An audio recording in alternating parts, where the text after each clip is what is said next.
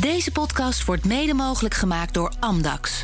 Het handelshuis voor de serieuze cryptobelegger. BNR Nieuwsradio. De Cryptocast. Bert Slachter. Hartelijk welkom in de Cryptocast. Met vandaag de rekenkracht van het Bitcoin-netwerk staat weer op recordhoogte. Hoe deed de koers van Bitcoin het in 2021? Maandag was het Proof of Keys. Wat is dat en wat kunnen we ervan leren? Dit is aflevering 201 met een half uur crypto-nieuws hier op de radio bij BNR. En daarna gaan we door als podcast, waarin we het hebben over het Lightning-netwerk, de gloednieuwe betaallaag van Bitcoin. Mijn naam is Bert Slachter en ik vervang vandaag Herbert Blankenstein. De gast is Stef Martens, host bij de Connect the World podcast en Lightning Network expert. Welkom. Dankjewel, Bert. En mijn co-host vandaag Bart Mol, de host van Satoshi Radio podcast. Ja, dank je Bert. Ja, ja zitten we dan. Goed. Hey, even voordat we beginnen, wij geven geen beleggingsadvies. Vorm je eigen mening, maak je eigen keuzes en geef ons niet de schuld. Crypto kan lucratief zijn, maar is ook riskant. We gaan het hebben over het nieuws. Laten we daar eens mee beginnen. Bitcoin werd maandag, 3 januari, 13 jaar oud. Op 3 januari 2009 publiceerde Satoshi Nakamoto de broncode van Bitcoin met daarin het eerste blok van de blockchain. En op 9 januari 2009 begonnen mensen te minen. En volgde het tweede blok en daarna eigenlijk elke 10 minuten een blok. Met daarin de transacties. En dan nu rond de 13e verjaardag van Bitcoin staat de hash rate, dat is de maat voor de rekenkracht van de miners, op het hoogste niveau ooit. Bart, wat voor conclusies kunnen we daaraan verbinden?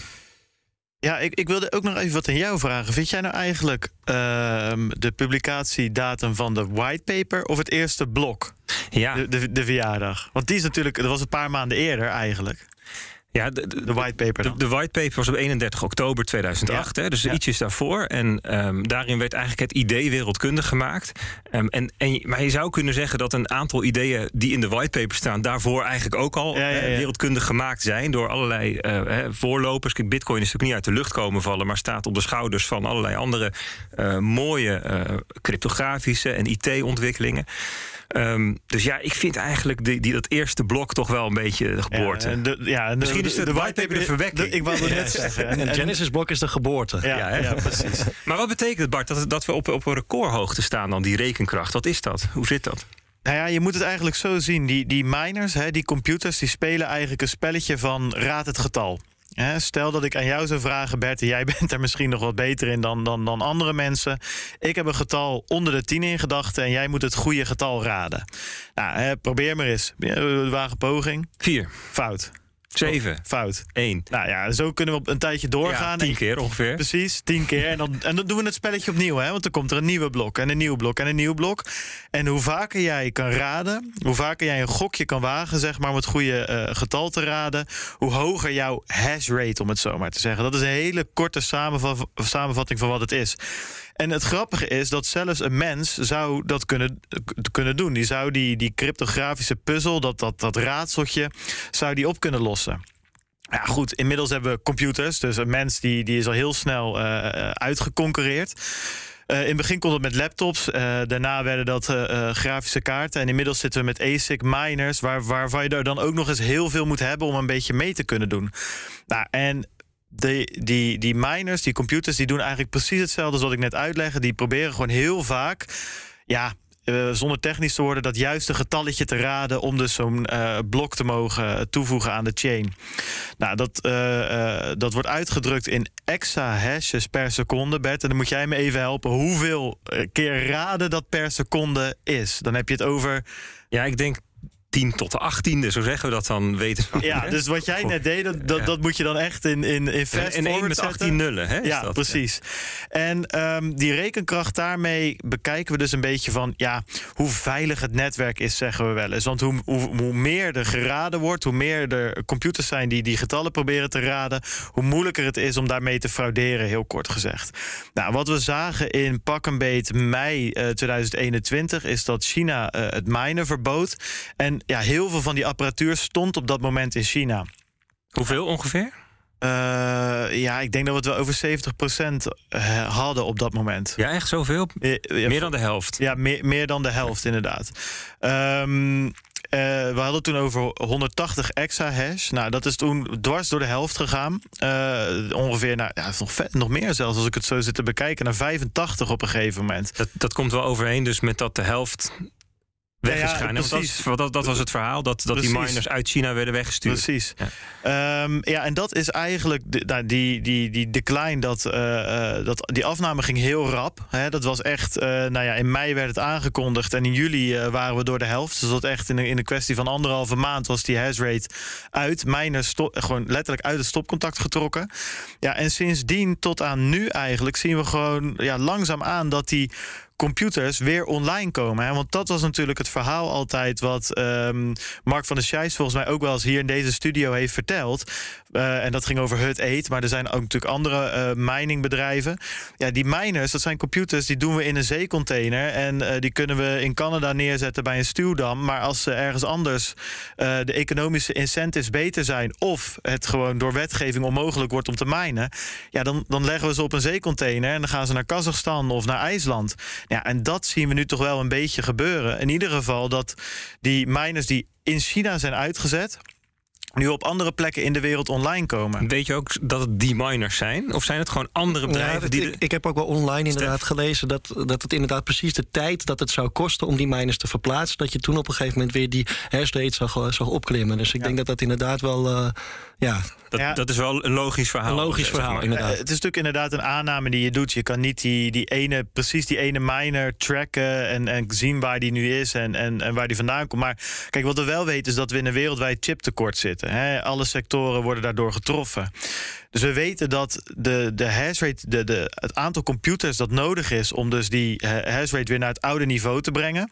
Dus die rekenkracht weer te laten verdubbelen eigenlijk ja, die is gewoon niet beschikbaar nieuw uit de doos. Nee, die kun je niet vandaag bestellen. Coolblue voor 12 uur besteld, morgen in huis. Precies, zeg maar. dat, dat, kan niet. Dus het is moet... een levertijd van, van, van een half jaar soms. Dat ja, soort... misschien, misschien nog wel langer. En zeker in de aantallen uh, waar, het, waar het hier om gaat. Dus we kunnen er eigenlijk wel gewoon een, een, een educated guess hè, kunnen, we, uh, kunnen we maken dat de miners die online komen daadwerkelijk in ieder geval voor een groot gedeelte de miners zijn die in China offline zijn gehaald. Een aantal maanden geleden of een half jaar geleden. Stef, als je dit zo aanhoort, hè, vind je dit nou positief voor Bitcoin? Wat is nou uiteindelijk de impact dan geweest van dat verbod? Hoe, hoe, hoe kijk je daarnaar? Nou ja, ik denk dat, uh, wat Bart ook al zei, dat het verhaal van hè, je stopt ze in zeecontainers en je zet ze gewoon ergens neer waar je wel mag minen of waar minen heel goedkoop is. Uh, dat verhaal is, is denk ik nu wel bevestigd. Uh, dus ik denk dat het uiteindelijk positief is. Ik denk als je hem zou omdraaien, hè, stel je voor dat die hashrate niet terug zou komen. Ja, ik denk dat je dan als Bitcoin een, wel een wat groter probleem had. spannender geweest. Ja. Waar is die hashrate heen gegaan? Welke landen, weet je dat? Heb je ja, Amerika voornamelijk, geloof ik. Um, uh, Rusland heb ik ook wel gezien dat daar wat, wat heen gegaan is. Dus, uh, ja, ik geloof ook uh, Kazachstan ja, of zo. Kazachstan. Ja, dat, klopt. Dat, dat is niet ja, per se van die mooie foto's, hè, dat je al die miners op elkaar gestapeld zag. Ja. En wat, wat um, het, het, het, aandeel van Amerika is groot. Hè? Um, dat, ook veel Um, populaire handelsplatforms hebben, zit bijvoorbeeld Kraken en, en Coinbase zijn daar gevestigd. Um, heel veel, um, zeg maar de grootste venture cap fonds hebben we een paar weken geleden met Balder gehoord, zitten daar. Komt er nu niet heel veel macht bij Amerika te liggen? Ja, goeie. Of, of laat ik hem anders zeggen, zouden wij als Europa daar niet wat, wat meer op moeten inzetten of iets dergelijks? Graag. Ja, het is een, ik, het is een beetje. Um, hè, ik moet ook wel zeggen, het is niet zozeer Amerika, het, is in Texas, hè, waar veel van die miners naartoe gaan. En Texas is wat dat betreft ook weer een beetje een, een vreemde eend in de bijt, omdat die. Die hebben gewoon bakken met, uh, met energie. Uh, ze hebben gas. Uh, ze hebben volgens mij door, door Texas waait en een of andere waait de wind op een rare manier door een een of andere geul heen. Dus ze hebben windmolens, ze hebben zonne-energie. Um, in, in Europa is dat ja, dat is niet zo één op één te kopiëren. Dit is ook gewoon iets wat. Uh, ja, nou, being at the right place at the right time, om het zo maar te zeggen. We hebben natuurlijk op allerlei plekken hebben waterkracht in Europa. En we hebben pas het verhaal gehoord van Jelmer de Wolde hier bij, -hmm. bij de Cryptocast. Ja. Dus leuk om die even terug te zoeken ook. Van, um, van dat je in Nederland in combinatie met de tuinbouw heel heel slim ook uh, kunt, kunt minen. Nee, ja, zeker. Ik zeg, ik zeg niet dat het niet kan. Ik zeg alleen dat het, dat het wel altijd opletten is uh, om, om, om, om, om zomaar twee ja, uh, geografische gebieden met elkaar te vergelijken. Maar ik ben het wel met je eens dat ja, Amerika ons toch weer een beetje de, de, de, op verschillende punten een beetje de loef af lijkt te, teken. En dat we als Europa daar een beetje achteraan wandelen. Het is wel grappig dat in het regeerakkoord dan juist weer heel erg duidelijk vermeld staat dat Nederland eh, samen met Europa, of als voortrekker in Europa, dat we weer een voortrekkersrol willen hebben op technologisch gebied. Dus het wordt blijkbaar wel gezien. Nou, we gaan, we gaan het afwachten. Eh, het enige lichtpuntje alvast in de formaties, geloof ik, dat we nu een minister van mijnbouw krijgen. Dus wie weet dat hij zich hier ook eh, mee bezig Ja, ja. Hey, we gaan even naar de, naar de koersen. Um, ja, 2021 hebben we afgesloten uh, vorige week, hè, eind vorige week. Um, uh, de laatste dag van een turbulent jaar. Voor veel mensen toch wel een achtbaanritje geweest. Zeker de mensen die nieuw zijn ingestapt. En denk je, zijn er te veel? Nou, ik las een onderzoek van Kantar dat er in 2021 um, van 1 miljoen crypto-bezitters naar 1,6 miljoen zijn gegaan. Dat is best een boel. Ja. Overigens, 42% van die nieuwe intreders is vrouw. Viel, viel me ook op, want vaak wordt het als een soort van mannenspeeltje gezien. Dat is blijkbaar dus niet zo. Maar voor die mensen is het nog wel een turbulent ritje geweest. Um, maar we hadden eigenlijk veel mensen in de crypto hadden, hadden andere koersen verwacht. En we hebben het hier wel vaker gehad. Het is ook Herberts grote um, hobby om het ja, stok to flow model te fileren. we hadden wel koersen verwacht met um, zes cijfers. Hoe, hoe, uh, hoe kijken jullie daarnaar, Stef? Ja, ik, ik moet zeggen, ik vind het lastig. Uh, persoonlijk uh, zie ik Bitcoin als, als een voor mij een lange termijn oplossing, zeg maar. Dus, dus ja, de, de koers. Uh, van, van de kortere termijn doet mij niet superveel. Kijk, tuurlijk, ik zou liegen als ik zeg dat ik me niks doet. Want ik vind het natuurlijk ook interessant. En ja, je merkt ook dat hoe hoger de koers is, hoe meer er over gesproken wordt. En hoe meer je ook je verhaal kan doen bij, bij kennissen, familieleden, et cetera. Hoe meer je verhaal aanslaat ook daadwerkelijk. Dus het, het, het kan ook helpen.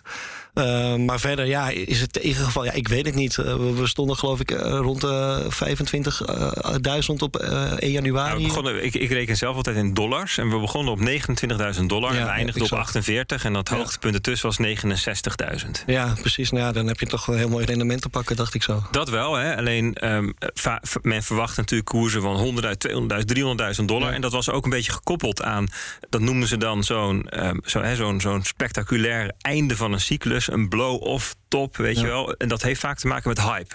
Met mensen die uh, fear of missing out over elkaar heen buitelen. En, en dat lijken we niet gezien te hebben, Bart. Of wel? Hoe kijk je? Ja, nou ja, goed. Dat. Uh, daar, hadden we het net in de voorbespreking ook even over. En ik zat er in de auto ook over na te denken. Aan de ene kant zie je dat dus wel, uh, denk ik. Hè. Je ziet. Je ziet ja, de, de ene na de andere uh, crypto bro broker reclame op tv. Hè. Dat, is, nou, dat, is iets wat vier jaar geleden amper denkbaar was. Toen zag je misschien een keer uh, een, een, advertentie in, in, de loka in het lokale dagblad.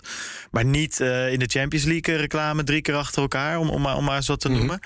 Um, ja, NFT's worden tot op de dag van vandaag, uh, weet je, de, de, de, de board apes en whatever. En die, die worden voor, alsnog voor een paar ton verkocht. Um, Um, die, die, die, die whitelists zijn allemaal oversubscribed. En ik, ik zie daar nog wel een bepaald. Die, de lucht is er nog niet helemaal uit. Laat, laat ik het zo nee, zeggen. Maar dit, dit, dit, is wel, dit is wel constant wat je zegt. We hebben het eigenlijk het afgelopen jaar constant gezien dat er aandacht was voor allerlei soorten fenomenen. Ja, ja dat, dat, dat is wel zo. Ik ben, ben met je eens dat die, die, die dat laatste. Die, die laatste blow-off top, die, zoals, jij, zoals jij hem inderdaad noemt, die heb ik ook niet helemaal gezien. Maar ik heb nog wel het idee dat er nog behoorlijk wat lucht in die markt zit. Mm -hmm. En wat ik eigenlijk wel leuk vind, het lijkt mij wel grappig als we, nou, als we breken met die vierjaarscycli. Want ik ben wel heel benieuwd hoe het er dit jaar uit gaat zien. Ik denk namelijk best wel dat dat gewoon anders kan zijn dan, uh, dan de voorgaande keren. Zou, dus... zou het deze jaar dan gewoon zeg maar, gestaag structureel verder kunnen stijgen... Als de, naarmate de adoptie ook verder toeneemt? Ja, nou, ik zie dat ook met, met adoptie, dat adoptie toenemen... dat we gewoon even een wat, wat rustiger tussenjaar krijgen. Dus misschien dat we iets dalen... of dat we uiteindelijk gewoon uh, eindigen op 50.000. Want dat is natuurlijk ook... we zitten inmiddels wel op een punt waar, waar bitcoin um, een serieuze asset is... Ja, en misschien is dit het dan wel. Hè? En dat we ook niet gaan zakken, maar dat je gewoon op 50.000 uh, dollar zit, of 60 of 70 nou, ik, of zo. Ik vind dat wel een goede uh, constatering. Hè? Je ziet, uh, we noemen het ook wel, Bitcoin is een macro-asset geworden. Het is zo groot dat het ook invloed ondervindt van de, van de macro-economische bewegingen eromheen. Er zitten grote investeerders in. Zelfs de miners verkopen eigenlijk niet meer. Er zijn over een half jaar zijn er 15 miners wereldwijd die beursgenoteerd zijn. Die halen gewoon geld op om hun ehm, stroomkosten en personeelskosten te voldoen, zodat ze hun bitcoin niet hoeven Ja. te verkopen. Dus de hele vraag-aanbod dynamiek is aan het veranderen. Mhm. Dus ik denk dat we ook wel. Ik denk dat het een heel eh, zinvolle gedachte is om, om, om, om niet die vier jaar cyclus meer te verwachten. Om ook voorbereid te zijn op dat het nu anders gaat zijn. Ja. Nee, maar Bert, jij doet ook heel veel on-chain analyse. Hè? Want heb jij dan, als jij zeg maar eh, het, het on-chain verhaal gaat vergelijken met de voorgaande cycli, zie je dan wel ook dat er dit jaar wat daadwerkelijk wel hype geweest is, ook on-chain? Of met nieuwe eh, toestroom van nieuwe gebruikers, et cetera? Of is dat, valt dat ook tegen eigenlijk? Nee, nee dus het is, het is wel ehm, sterker. 2021, eigenlijk vanaf kwartaal 4 2020, is het gaan versnellen. Hè? Dus nieuwe gebruikers, nieuwe entiteiten op het netwerk, nieuwe investeerders, weet je, dat soort zaken. Maar het is niet die extreme versnelling die je dan eh, die je in eerdere ehm, hype. Fasen, eh, bubbelvorming gezien hebt. Dus dan kijk je naar de mempool die volstroomt met Ja. allemaal wachtende transacties, dat Ja, soort dingen. Ja. dat is nu nog niet gebeurd. Nee. Nou goed, we gaan het in de gaten houden voor, het, eh, voor, het, voor dit komende jaar. We zijn, we zijn heel benieuwd. We gaan nog even naar het, het tweede nieuwtje. Ja. Ja, want 3 januari was dus de geboortedag van Bitcoin. En dat is ook een soort van, voor sommige Bitcoiners, een soort van nationale feestdag. Eh, proof of keys. Bart, wat is dat? Ja, nou, dat, dat, dat is iets wat een aantal jaar geleden volgens mij. eh, toen, toen leefde het wat meer, laat ik het zo zeggen. Want toen weet ik nog wel dat echt dat, dat serieus mensen echt hun, hun bitcoin van exchanges af aan het halen waren.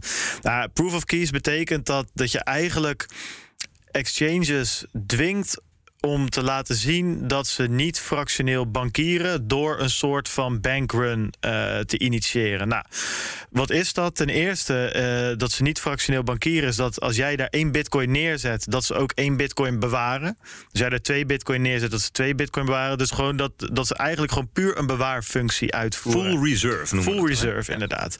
En het tweede is dat je dus eh, dat gaat testen door middel van een bankrun, namelijk met z'n allen alles eraf halen. Nou, en als zij er niet fractioneel bankieren, dan kunnen zij dat, want dan hebben ze namelijk alles netjes in hun kluis liggen, om het zo maar te zeggen. Ja, dat is iets wat nog steeds wel leeft, maar wel een stuk minder als eerst, omdat volgens mij sowieso, ja eigenlijk nooit een exchange echt betrapt is eh, op niet full reserve. eh, eh, ehm, Is dat zo? Was, Ja. was Quadrica bijvoorbeeld, was dat niet daar aan de orde? Dat die eigenaar... Ja, maar dat was niet per se door. door eh, die, dat was meer dat die eigenaar toen volgens mij alle keys zelf in handen had. dat is ook een soort proof of keys. Ehm, nee, maar het was meer. Of de bankruns die, eh, die, die opgezet werden, waren te klein om zo'n systeem aan het wankelen te brengen. Of al die exchanges waren daadwerkelijk full reserve. Dus het haalde gewoon niet zoveel uit. En voor jou als gebruiker is het best wel een gedoe. Want je moet het eraf halen en daarna weer terugsturen. Of, je, dus een beetje, maar er zit iets diepers achter. Maar misschien kun jij dat uitleggen, wat die diepere gedachte is achter proof of keys. Eigenlijk gewoon de, not your keys, not your coins. Dat is natuurlijk het credo. Ja, en wat betekent dat? Dus not your keys, not your coins. Hè? Dus als je niet de sleutels in de handen hebt, dan zijn ze eigenlijk niet van jou. Ja. Dus je zegt eigenlijk daarmee dat, dat als je je bitcoin op een exchange laat staan, dan zijn het eigenlijk niet jouw bitcoins. Nou ja, dat is eigenlijk altijd wat er, wat er eh, eh, door, door de hardcore bitcoiners gezegd wordt. Maar hoe, hoe moet je ze dan bewaren? Ja, ja eh, en, en dat is waar het dan vaak een beetje stil blijft. Want je kan het de meest. Ik, ik, hoe, hoe meer je ervan af weet, hoe meer je eigenlijk weet dat het heel erg lastig is om dit te doen. En hoe meer je eigenlijk weer toe gaat bewegen naar misschien wel een gedeelte bij een custodian bewaren. Dat is een beetje het punt waar ik nu zit. Is, kijk, de eerste stap waar je naartoe gaat is een hardware wallet. Eh, dat is een apparaatje eh, die, die een soort van afgesloten leeft van het internet, waar dan je, je, je, je, je sleutels op staan, om even heel kort eh, te zeggen. Ja, en, en het probleem is een beetje, dat heb ik ooit eens een keer Boris, eh, die natuurlijk ook host is geweest, ehm, eh, Boris van de Ven horen zeggen. En dat was ik ik erover nadacht wel enigszins met hem eens. Het biedt ook een beetje schijnveiligheid. Want mensen denken klaar te zijn op het moment dat ze zo'n ledger hebben. Ja. Terwijl je eigenlijk dan net aan het begin staat. Hè? Dus daarna, eh, eh, wat we nu op tv hebben gezien, is dat er iemand overvallen is en dat hij zijn ledger-code af moest geven. En dat hij eigenlijk in één keer al zijn gespaarde bitcoin kwijt was of crypto's omdat ze allemaal thuis lagen. Weet je, er zijn altijd weer nieuwe eh, attack vectors hè, eh, die, die zich openen.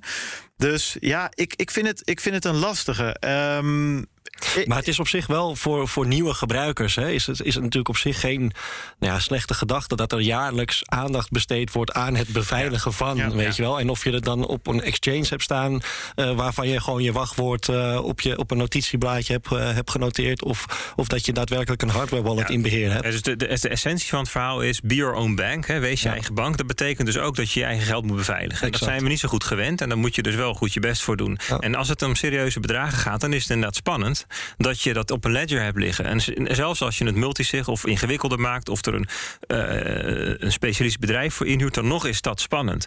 Ja. Dus ook, ik, ik, ik dacht net, zal ik even aan Stef vragen hoe die zijn bitcoin bewaart. Maar ik doe dat niet, luisteraars ook, omdat dat is iets waar je het ook niet over moet hebben. Nee, Want exact. voor je het weet staat er iemand inderdaad met een koevoet voor de deur. Hè? Dat is een beetje, een beetje het verhaal altijd. Goed, Ja. we, gaan, we gaan hem hier afsluiten. Want we moeten het eigenlijk ook nog eventjes hebben over waar we het in de podcast over gaan hebben. Zometeen.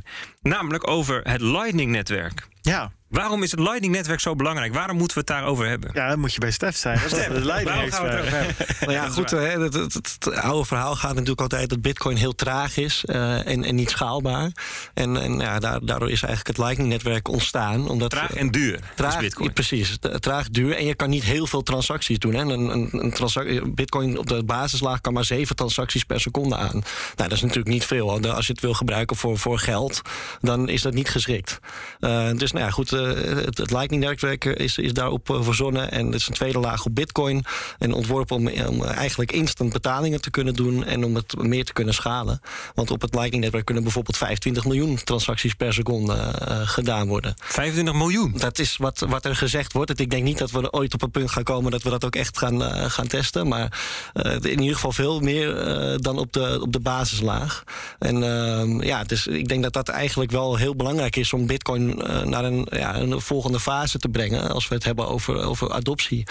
En, eh, en gebruik ook bijvoorbeeld in, eh, nou, noem een El Salvador of, of andere. Ja, want in El Salvador gebruiken ze eigenlijk alleen maar Lightning. Hè? En niet Ja. de, de, de betaling op de basislaag. Nou, het lijkt me heel leuk om daar ehm, eens uitgebreid over te gaan hebben. Dus wil je weten hoe het Lightning-netwerk werkt, wat het is, hoe het is ontstaan. Hè? Want het is het dus blijkbaar pas kort. Ehm, en misschien moet je een aantal van je oordelen of overtuigingen over Bitcoin wel bij het grof vuil zetten nadat je dit gehoord hebt. Ehm, luister dan naar de podcast. Tot zover de CryptoCast op BNR, op de radio. Dank aan mijn gast Stef Martens en co-host Bart Mol. We gaan zo meteen verder in de podcast. Wie met ons meegaat, tot straks. En wie afhaakt, bedankt en graag tot volgende week bij de CryptoCast op BNR. Deze podcast wordt mede mogelijk gemaakt door Amdax. Het handelshuis voor de serieuze cryptobelegger.